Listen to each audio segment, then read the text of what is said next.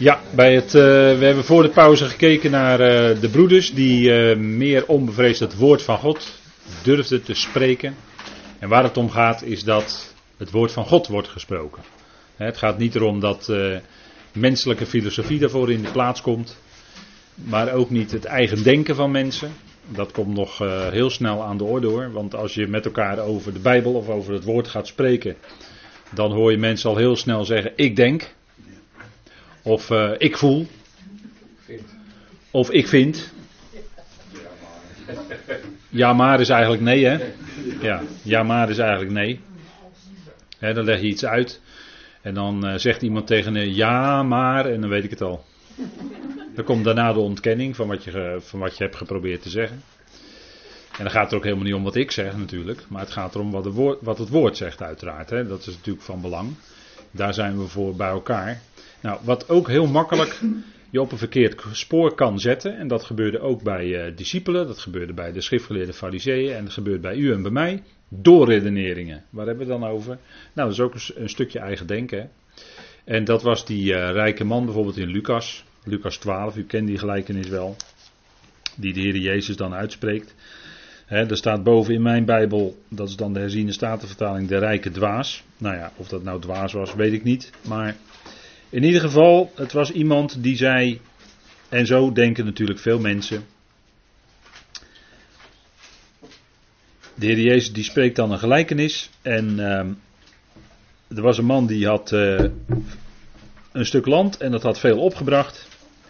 En die man overlegde bij zichzelf. Dat is de doorredenering. dat is het woord doorredeneren. Hè? Hij zegt, wat zal ik doen? Want ik heb geen ruimte om mijn vruchten op te slaan. En hij zei, dit zal ik doen. Ik zal mijn schuren afbreken en grotere bouwen. En ik zal erin al mijn koren en al mijn goederen opslaan. En ik zal tegen mijn ziel zeggen, dat is Lucas 12 hè, wat ik nu lees. Ziel, u hebt veel goederen liggen voor veel jaren. Neem rust, eet, drink en wees vrolijk. En dat, dan zou je zeggen van nou, dat is toch heel goed bekeken hè, van die man. Heel goed bekeken. Het land bracht veel op, grote schuren bouwen. En uh, hè, dat, dat, dat willen mensen ook vaak. Hè. Groter, expansie, hè, meer. Hè, als het uh, bedrijf goed gaat, gaan we nog meer investeren, want het bedrijf moet nog groter worden. De ondernemer wil zo snel mogelijk met pensioen, hè, zo vroeg mogelijk. Hè, daar gaat het dan meestal om. En dan moet uh, alles, alles moet daarvoor wijken. En nou, dat is deze ook. Hè? En dan zegt hij, ja nou neem rust, eet, drink en wees vrolijk. En dan zegt God tegen hem in vers 20, dwaas, onbezonnene. Dwaas. Je bent aan het doorredeneren geweest. En je meende dat jij heel, heel een nuchtere jongen was, heel een nuchtere knaap. Dat jij het allemaal goed voor elkaar had. En deze nacht zal men uw ziel van u opeisen. En wat u gereed gemaakt hebt, voor wie zal het, voor wie zal het zijn? Het kan zo, dat is met rijkdom. Hè? Dat zegt Spreuk al. Het kan zomaar vleugeltjes krijgen en dan is het weg. Er zijn genoeg rijke mensen geweest die eh, echt veel vermogen hadden en de een op de andere dag of binnen een jaar waren ze alles kwijt. Dat gebeurt zo vaak. Maar dat is materiële rijkdom en daar kan je niet op bouwen. Maar deze, deze deed dat wel. En dat was een doorredenering. Hè? Hij redeneerde van, ik ga grotere schuren, kan ik altijd koren en dan, dan, eh, heb ik het voor elkaar. En dan in één keer, dan gaat het mis. Laat ik het zomaar even samenvatten, dan gaat het mis. En is het weg. Want hij dacht wel dat hij heel bezonnen bezig was, dat hij zijn verstandje gebruikte. Maar de Heer zegt tegen hem: onbezonnene. Want je hebt helemaal niet gerekend met hoe het kan gaan in het leven. En zo leven natuurlijk heel veel mensen. het gaat allemaal goed, het gaat allemaal van een lijn dakje, dan zijn ze dik tevreden en dan gebeurt er iets. En dan gaat het mis. En dan? Nou, dan, als je een gelovige bent, dan kan het zijn dat daardoor ineens je hele leven misschien toch op zijn kop staat, net als bij die andere mensen. Maar dat je eens goed na gaat denken, joh, waar vertrouw ik nou eigenlijk op? Want deze, deze persoon die vertrouwde op zijn eigen bezit, op wat hij zelf allemaal had opgebouwd. Daar lag zijn basis. Terwijl het gaat om de basis te hebben bij God, hè? want dat is wat de Heer ook zegt. Zo is het met hen, vers 21, dat is de eindconclusie van de Heer. Zo is het met hem die voor zichzelf schatten verzamelt en niet rijk is in God. En die zich heel erg druk maakt. En zo is het ook, hè, je zorgen maken. Dan zegt de Heer Jezus dat ook. Hè.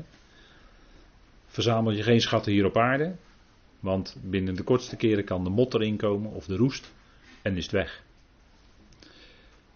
Maak je nou geen zorgen, zoals alle anderen heel druk bezig zijn met allemaal zorgen voor morgen. En, en hoe moet ik het dan allemaal voor elkaar krijgen?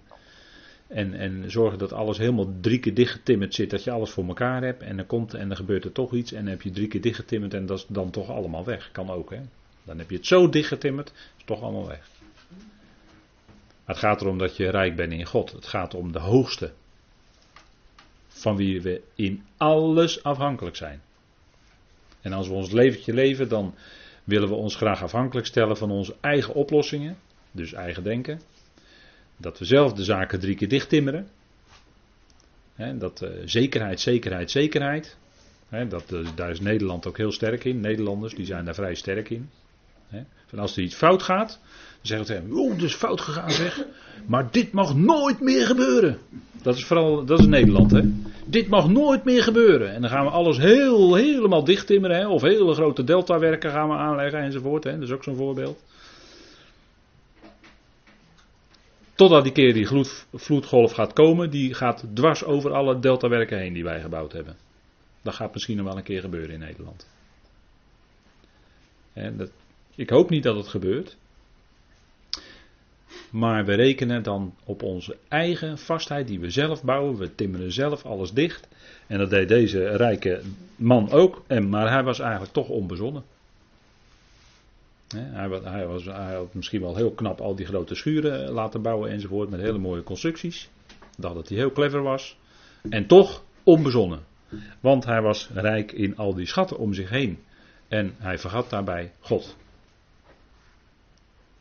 En waarschijnlijk is dit voorbeeld bedoeld ook voor het volk Israël, die rijke man. Want die rijke man is heel vaak Israël in de gelijkenissen. Dus dit is waarschijnlijk ook Israël. Maar die was ook rijk. Die dacht ook rijk te zijn in eigen bezit. En wat ze zelf hadden. En wij, hè, wij rusten op de wet, zegt Paulus ook, hè, Romeinen 2. Jij die een Jood bent, je rust op de wet. Je meent dat je licht hebt, dat je leidsman van blinden bent, maar je had niet door dat je zelf eigenlijk blind bent geworden. Zoals met die Jood, hè? Romeinen 2. Nou, dus die rijke man. Die had zoveel rijkdom gekregen van God, maar dat, dat, daar waar ze zichzelf op gaan beroemen. Wij zijn rijk, moet je ons kijken. Wij, hè, wij staan boven de anderen. Nee, dat is allemaal. Besef nou dat je dat allemaal van God hebt ontvangen. Dat je rijk bent in God. Door redenering, hè, dan kun je zo snel op een verkeerd spoor brengen. En dus ook met, met, met de Bijbel. Hè. Gesprekken van, joh, uh, weet je, ik, eh, even praten over de Bijbel. Hè. Uh, er staat dat en dat staat daar en dat en dat staat daar. Is het nou niet zo dat dat dus dat betekent? En met dat die persoon dat zegt, ben ik eigenlijk onderweg al afgehaakt. Want dan heb ik al zoiets van: laten we eerst even opzoeken met elkaar. Waar staat het nou precies wat je aanhaalt? Hoe staat het er precies? In welk tekstverband staat het eigenlijk? Maar ja, zover kom je dan meestal niet. En dan kan het best zijn dat je, hè, want dat gaat ook over conclusies, hè, dat ziet u ook staan op deze dia, conclusies. Hè. Bijvoorbeeld een sterke is, hè, waar, we het, waar we het meerdere keren wel eens over gehad hebben. David is natuurlijk een type van Christus. Maar als er staat in de profetieën dat David zal regeren in het koninkrijk, dan wordt de naam David in die profetieën gebruikt. En dan gaat men redeneren en dan is de conclusie: nee, dat is niet David, dat is eigenlijk Christus. Oh, wacht even, wacht even. Er staat David, hè?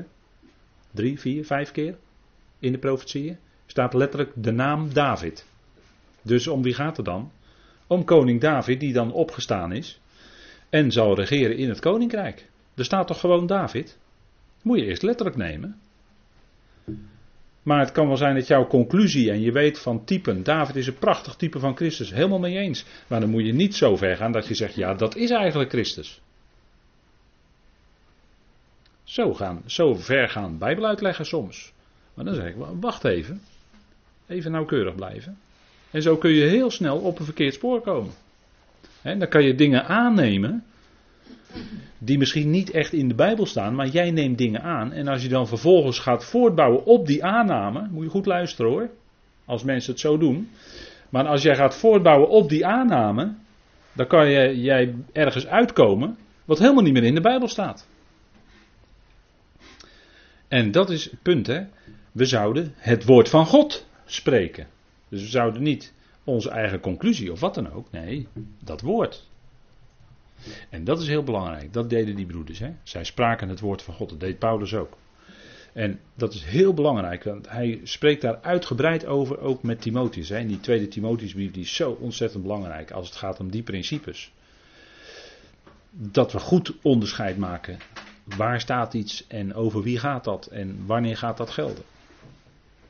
Sommige, sommige want het was in die tijd ook wel zo, sommigen verkondigen de Christus weliswaar uit afgunst en twist. En dan denk je, nou dat is verbazingwekkend, maar het staat er wel, hè? Staat het echt in Filippenzen 1 vers 15? Ja, het staat er echt. Sommigen verkondigen de Christus uit afgunst en twist. Dat kan. He, dan gaat het erom wie misschien wel van sprekers in Nederland binnen de christenheid of dominees of sprekers, weet ik veel, wie het meeste verdient of zo. Of wie de meeste luisteraars krijgt in samenkomsten. Of zoiets. Uh, dat soort dingen. En dan wordt er weliswaar wel Christus gepredikt. Maar het is uit afgunst en twist. Het is uit afgunst, dat kan hoor. Afgunst en twist. En we hebben toch geleerd in de gelaten brief dat dat werken van het vlees zijn. Dat staat ook, dat die twee begrippen staan in dat rijtje, hè, werken van het vlees. Afgunst, twist. Afgunst wil zeggen, die ander heeft succes en jij kan het eigenlijk niet hebben. Je voelt je daar niet lekker bij dat die ander succes heeft. En dan kan het zelfs zo ver gaan dat jij eigenlijk uh, liever op die plek wil staan die die ander heeft. Zo ver kan het gaan hoor. Dan, dan is afgunst geworden, verworden tot jaloezie. Twist, hè? daar kan ook twist uit voortkomen uit afgunst. Dat je gaat ruzie maken met die ander, omdat je gewoon afgunstig bent op die ander. Je gunt die ander gewoon dat, dat leukigheidje of dat succes niet. en dat is dan hier op, op, op, op, uh, op het niveau van sprekers, de, zogenaamde conculega's, zo noemen ze zich wel eens onderling. dat heb je niet alleen in de wereld, maar dat heb ik ook een voorganger tegen iemand anders horen zeggen. Stond ik bij. een voorganger zei dat tegen een andere voorganger. Hé, hey, conculega. Toen dacht ik zo. Gaat het zo hier? maar kijk, afgunst en twist, daar gaat het niet meer om. Waar gaat het nou om? Het gaat om het verkondigen van de Christus, de Messias. De aangekondigde van de schriften, de zoon van God, daar hebben we het dan over. Hè? En dan die verkondigen en terwijl daarachter dan, dat is dan motieven, het gaat hier om motieven. Dan gaat het niet om een ootmoedige gezindheid die erachter zit, maar dan gaat het om afgunst en twist. Dan ben je gewoon volop bezig, net als de wereld. Ben je volop bezig naar het vlees. De een die wil een, nog mooiere positie hebben dan de ander. En, en die laten zich dan erop voorstaan dat er dr voor de naam staat en zo. Maar het is allemaal vlees. Het is allemaal. Maar ik ken ook een prediker, hij is inmiddels overleden, maar daar heb ik het nodige van mogen leren. En dat was een echt, daar heb ik respectabel, dat was een respectabel iemand, daar heb ik respect voor, is overleden. Maar die heeft ooit van de universiteit, die, die kreeg een dokterstitel toegekend, heeft hij geweigerd. Die eer hoefde hij niet. En er was geen hoogmoed, maar dat was echte ootmoed, dat hoefde hij niet. Nou, toen dat hoorde, had ik nog meer respect. Want dan laat je iets zien dan blijkt iets van die ootmoedige gezindheid van Christus. geen aanzien willen hebben, willen hebben in de wereld. niet die, uh, die winnaar willen zijn, uh, zo op die manier. Zo zijn er een hoop hoor, die uh, met de ellebogen werken. Dat gebeurt niet alleen in, in, in, in ja waar gebeurt het eigenlijk niet? Het gebeurt in het bedrijfsleven, het gebeurt in clubs, het gebeurt in verenigingen, het gebeurt overal joh, dat ellebogenwerk. He, laten we gewoon even als Rotterdammers onder elkaar. Het gebeurt gewoon overal, joh. Dat ellebogenwerk. Maakt al, maar dat is, niet, dat is niet de gezindheid van Christus. Maar er zijn ook anderen, die noemt Paulus ook. Sommigen uit welwagen. Uit Dokia. Sommigen uit welbehagen. Die hebben er een behagen in. Die hebben de Heer lief. En die prediken hem vanuit een ootmoedige gezindheid. Hij is de Christus. Hij is degene om wie je draait in het woord. En als er een woord gesproken wordt en Christus staat niet centraal, dan heb ik mijn bedenkingen. Want hij zou centraal staan. Want God zegt dat hij het woord is dat vlees werd. En als hij niet centraal staat in een prediking, maar er staat iets anders centraal, dan moet je alert zijn. Want het gaat om hem. Het gaat in de allereerste plaats niet om ons in het evangelie. Het gaat om God en om Christus. Het evangelie is Gods evangelie aangaande zijn zoon, Jezus Christus onze Heer, Romeinen 1, de eerste verse. Dat is het evangelie hoor. En dat wij dan daar allemaal als mensen in meegenomen worden, in die enorme liefde van God, dat is fantastisch. Maar het evangelie van God draait om zijn zoon, hè? Jezus Christus onze Heer. Het gaat om hem. En, en eh, als, als de Christus centraal staat in prediking, ja, dan, dan, dan gaat het wel, eh, dan gaat het bij u en mij wel resoneren van binnen. dan, gaat het, dan gebeurt er iets. Maar zo niet, ja, dan is het eh, minder. dan is het van, van een andere orde. Deze kondigen de Christus inderdaad uit liefde aan. Hè? En dat merk je als het uit liefde is tot Hem. En er wordt zo over Hem gesproken. Dan staat Hij ook centraal. Dan staat niet meer de prediker centraal, maar dan staat Christus centraal. Daar gaat het om. Het gaat niet om degene die de boodschap brengt. Maar het gaat om Hij die de boodschap is. Hij is het evangelie. Hij is het goede nieuws. Nou, dat, die waren er ook. En dat zegt Paulus. En die wisten dat Paulus tot verdediging van het evangelie gesteld is. Dat doet hij ook in Handelingen 22. Hè, als hij net uh, uit de handen van de Joden ontzet is, die hem eigenlijk wilden, uh, laat ik maar zeggen, ombrengen. Ik wilde bijna andere woorden gebruiken. Maar die wilden hem ombrengen. En hij werd net op tijd ontzet hè, door tussenkomst van de Heer eigenlijk. Hè. God die zorgde ervoor dat hij net op tijd aan die handen ontsnapte. Want hij moest nog het nodige doen. En dan gaat hij zich verdedigen en dan spreekt hij hen toe in de Hebreeuwse taal. Nou, dan komt die hele toespraak. Hè. En hij was, dus dat, daar wordt het woord verdediging gebruikt. Dat is eigenlijk een woord spreken vanaf. Hè. Dus een, een spreken als het ware tegen alle leugen en alles in. Galatenbrief. Dat is één grote verdediging van het evangelie van de genade. De hele Galatenbrief. daarin zie je Paulus zijn evangelie verdedigen tot en met. De genade van Christus werd aangetast en dat moest verdedigd worden. Dat evangelie. Nou, dat is die hele gelaten brief. Een geweldige brief. en daar, daar, zijn we ongelooflijk rijk, nog verder verrijkt door en nog verder door verdiept geworden in de genade, als u het mij vraagt. Dat heeft in ieder geval bij mij wel bewerkt. En ik hoop ook bij u. die verdieping in de genade, verdieping in, in wat hij geeft. Paulus was tot verdediging van het evangelie gesteld en dat kon hij als geen andere. Hij liet het in gelaten aan alle kanten zien, via allerlei lijnen. Maar er waren ook anderen, dan komt hij weer terug op die anderen, die deden dat uit partijschap. en partijschap, dat zit in het Grieks heel dicht aan tegen dat woord voor twist, dat is ook logisch. als er twist is, dan is er sprake van partijen. Verschillende, je hebt in de politiek natuurlijk verschillende partijen die in de verkiezingstijd met elkaar bakkeleien, laat ik het zo maar zeggen. Laat ik maar een Jiddisch woord nemen. En dan daarna goed, dan eh, gaat het weer verder in de politiek. U weet hoe het in de politiek gaat. Maar je hebt dat op, op allerlei, in, in allerlei uh, geledingen heb je dat. Hè? Je hebt dat in de christelijke wereld heb je dat natuurlijk, hè? partijschappen. En je hebt dat in, uh, in de, in, de, in de wereld van de politiek. Je hebt het in de wereld van, uh, nou waar eigenlijk niet hè. Overal waar mensen zijn, daar heb je gewoon dat ellebogenwerk. U ziet het daar. Ik heb dat plaatje van die, van die voetballers. Hè, die gebruiken ook wel eens zo een ellebogen. Om die ander naar beneden te drukken. Hè, maar het is uiteindelijk dat jij dan die overwinning haalt. Hè, want daar is partijschap natuurlijk voor. Dat jouw partij het gaat winnen. Hè, want jij wil graag winnen. Nou, partijschap, gek hè, maar dat is ook een werk van het vlees. Volgens gelaten 5 dan ben je eigenlijk ook bezig met vlees. Hè? als je bezig bent om jouw partij of jouw groep de boventoon te laten voeren, dan zal je alles aangrijpen. Eh, desnoods twisten en ruzieën en, en linksom of rechtsom. Maar jij zal hoger komen, hoe dan ook. Nou, dat is gewoon vlees, zegt Paulus. Dat is vleeselijk. Dat is niet geestelijk, maar dat is vleeselijk. Getuigt niet van ootmoedige gezindheid. Getuigt niet van het uitzijn op vrede en dergelijke maar dat is uh, bezig heel hard te werken. En dan denk ik van joh, waar werk je nou eigenlijk voor? Waar werk je nou voor?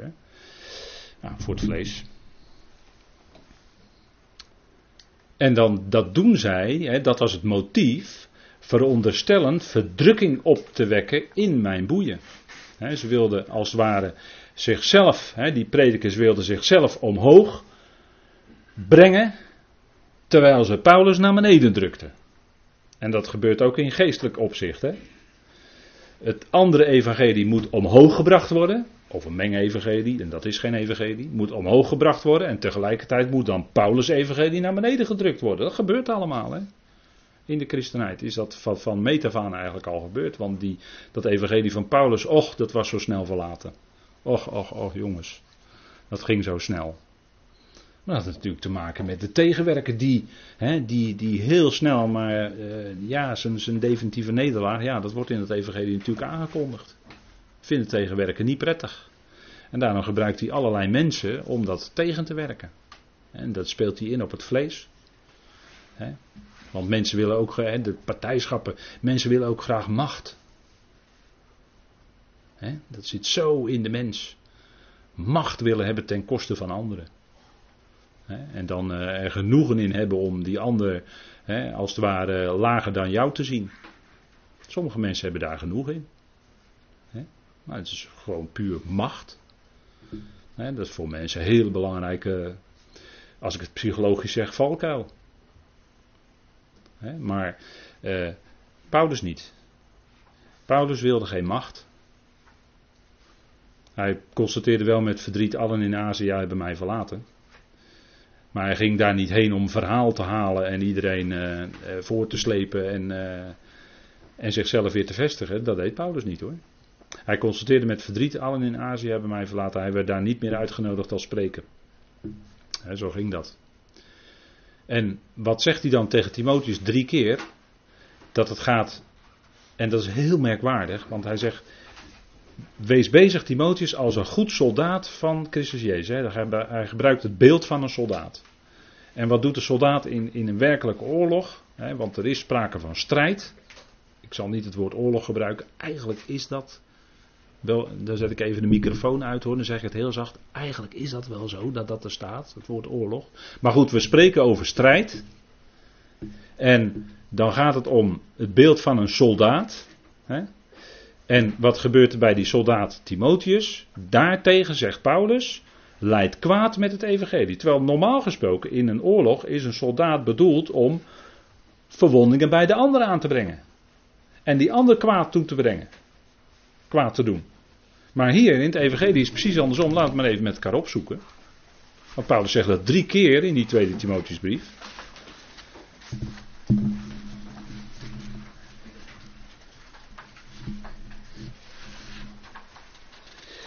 2 Timotheus 1 vers 8. Schaam je dan niet voor het getuigenis van onze Heer, noch voor mij, zijn gebondenen. Maar leid samen kwaad met mij voor het evangelie, in overeenstemming met de kracht van God. Dus hij zegt tegen Timotheus, schaam je dan niet voor het getuigenis van onze Heer, noch voor mij zijn gebondenen. Uitdrukkelijk het evangelie van Paulus. Hè? Maar leidt samen kwaad met mij. Paulus had daar al genoeg ervaring mee opgedaan. En Timotheus zou die ervaring ook opdoen. En die had dat bij gelegenheid waarschijnlijk ook alles opgedaan. Kwaad leiden voor het evangelie. Voorkomen ten onrechte. Aantijgingen. Kwade verdenkingen. Boze vermoedens. Dat soort dingen allemaal. Terwijl het niet waar is. Terwijl het niet waar is. En dat is kwaad leiden. Laten zij, de heer Jezus zei ook, laten zij dan liegende kwaad van je spreken. He, bij wijze spreken, laat ze dan maar kwaad spreken als het maar liegend is. Nou, dat overkwam Paulus ook. Nou, kwaad leiden met het evangelie. Dat is wat gebeurde. Gebeurde ook in handelingen, waar u net dat plaatje van zag, toen hij net ontzet was. Toen werd er ook kwaad over gesproken. Want men meende, er staat er ook, hè, men dacht dat hij Trofimus binnen de Soreg had gebracht. Maar dat was helemaal niet waar. Ze hadden Paulus gezien met hem ergens in de stad. En toen waren de kwade verdenkingen gekomen. En ze meenden dat Paulus Trofimus binnen die Soreg had gebracht. Dat was helemaal niet waar hoor, dat was een aantijging. En op grond daarvan is er wel een woedende meute die hem liefst wilde ombrengen. Dat is kwaadlijden met de evangelie. Nou, zo is het ook met, uh, met, met Paulus wat hij tegen Timotheus zegt. Laten we nog even in uh, eh, 2 vers 3 kijken van Timotheus, tweede brief Timotheus. En er staat, leidt kwaad met mij als een uitstekend soldaat van Christus Jezus. Niemand die oorlog voert is verwikkeld in de zaken van levensonderhoud, opdat hij hem die hem aanwerft behaagt. Nou, even tot zover, want dat is het beeld van die soldaat. En zegt hij, leidt kwaad met mij als een uitstekend soldaat van Christus Jezus. Dus dat is paradoxaal, hè? Normaal is een soldaat degene die kwaad bij de vijand aanbrengt. Maar hier is het een soldaat die kwaad leidt. En dat nog ondergaat ook. En als dat wordt aangedaan, daar niet op reageren in de zin van, eh, nou zal ik jou eens even lik op stuk geven. Of oog om oog, tand om tand. Zo niet. Maar die vrede, hè, houdt voor zover het van jou afhangt, vrede met alle mensen. Dat is het evangelie.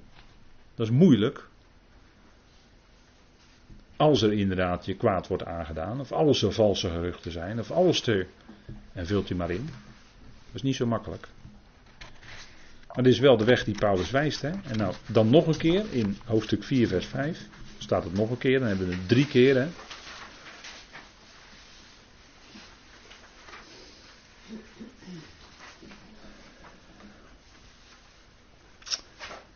En de eerste is ook gelijk al een hele goede aanwijzing. 2 Timotheus 4, vers 5.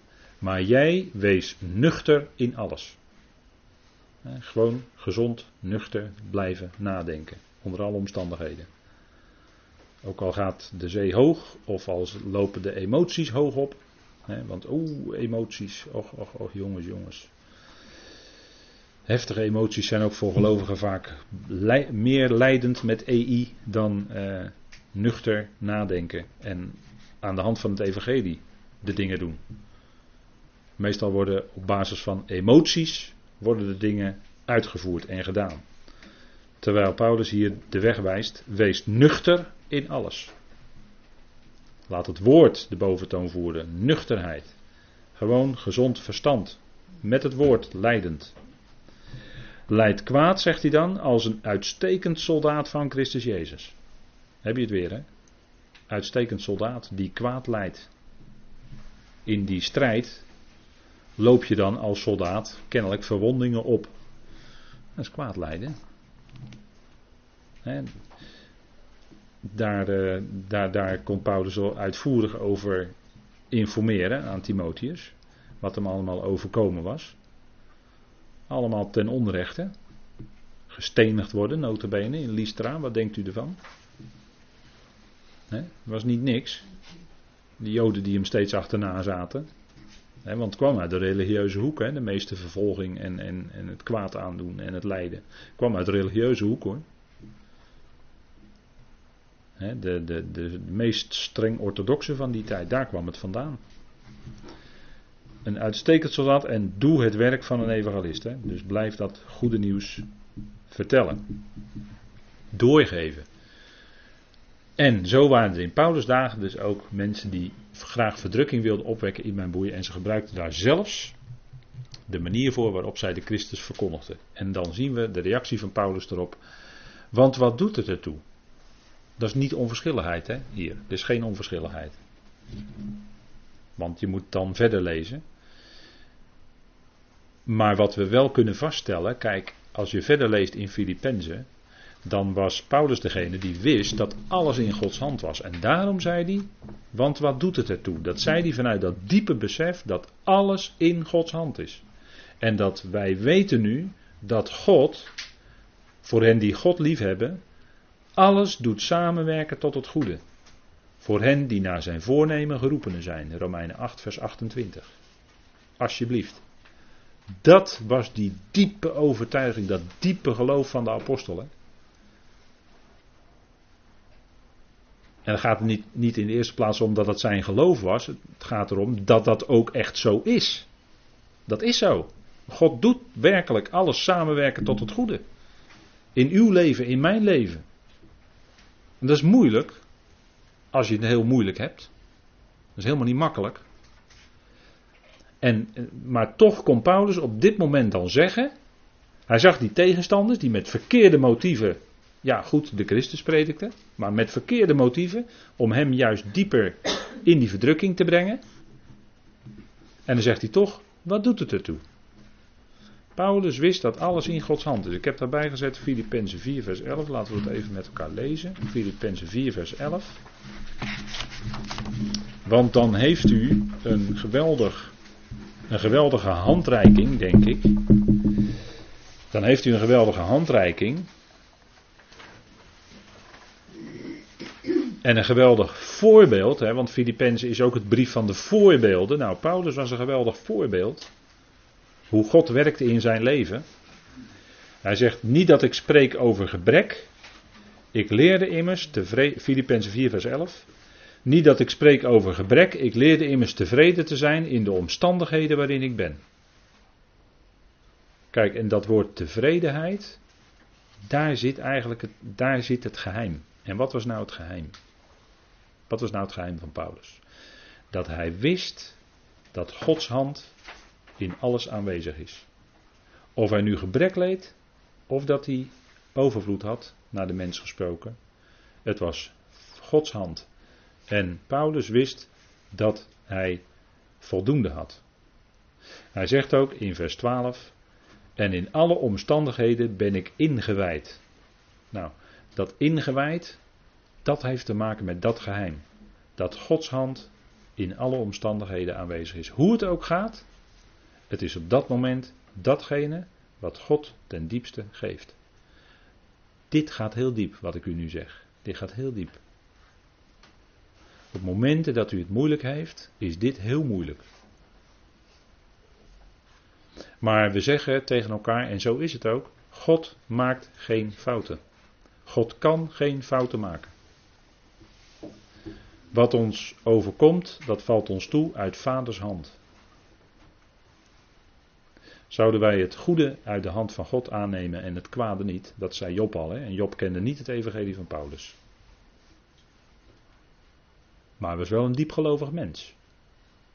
En hij wist wel dat die grote God die hij kende, want Job was ook een gelovig man. Maar hij wist wel dat die grote God die hij kende, dat hij toch ook zijn leven, Job, hoe verschrikkelijk er ook toen uitzag, het was verschrikkelijk. Toch had hij zijn leven in zijn hand. En hij wachtte ervoor, hij zondigde met zijn lippen niet, hè Job. Hij zondigde niet met zijn lippen. Hij wachtte ervoor om God verwijten te maken. Op een manier zoals wij als mens snel geneigd zijn God wel een verwijt te maken. Maar daar wachtte Job voor. En we zien dan in die hele geschiedenis van Job hè, dat dat hele diepe lijden wat hij moest doormaken, dat was ontzaglijk diep lijden. En het was heel erg moeilijk. Het was helemaal niet makkelijk. Het was verschrikkelijk moeilijk. Maar hij bleef toch vertrouwen op die grote God die hij mocht kennen. Ja, en aan het eind had hij, wij zeggen dan een dubbele zegen. Hè? Dat, dat, dat, dat, zegt wel, dat zegt wel iets. Hij had God dieper leren kennen. En, en dat, wist, dat geheim, dat kende de apostel Paulus. Hè? Gods hand in alle dingen. Hij was ingewijd in al die omstandigheden. Maar hij wist dat vader het niet zomaar in zijn leven bracht. Nee, dit was op dat moment de weg die vader met hem ging. Dat wist Paulus. En dat geeft hij door. Nou, dan als laatste. En dat is eigenlijk de vreugde die hij hier uitspreekt. Hè. Paulus zag die predikers met verkeerde motieven. Hij zag predikers met goede motieven die echt uit liefde de Christus verkondigden. En dat is het mooiste natuurlijk als dat gebeurt. Maar hij zegt, op iedere manier wordt Christus verkondigd. En daar gaat het om. Het zij als een voorwensel, goed. Dat zal God natuurlijk wel uit gaan maken bij de Bema of anderszins. Het zij in waarheid, dat is veel fijner natuurlijk als het echt in waarheid en oprechtheid gebeurt. Maar hij zegt, Christus wordt verkondigd. Daar gaat het om. De Christus van de schriften dan, hè? Daar, daar hebben we het dan wel over. Christus wordt verkondigd, die verheerlijkte. En daarin verheug ik me.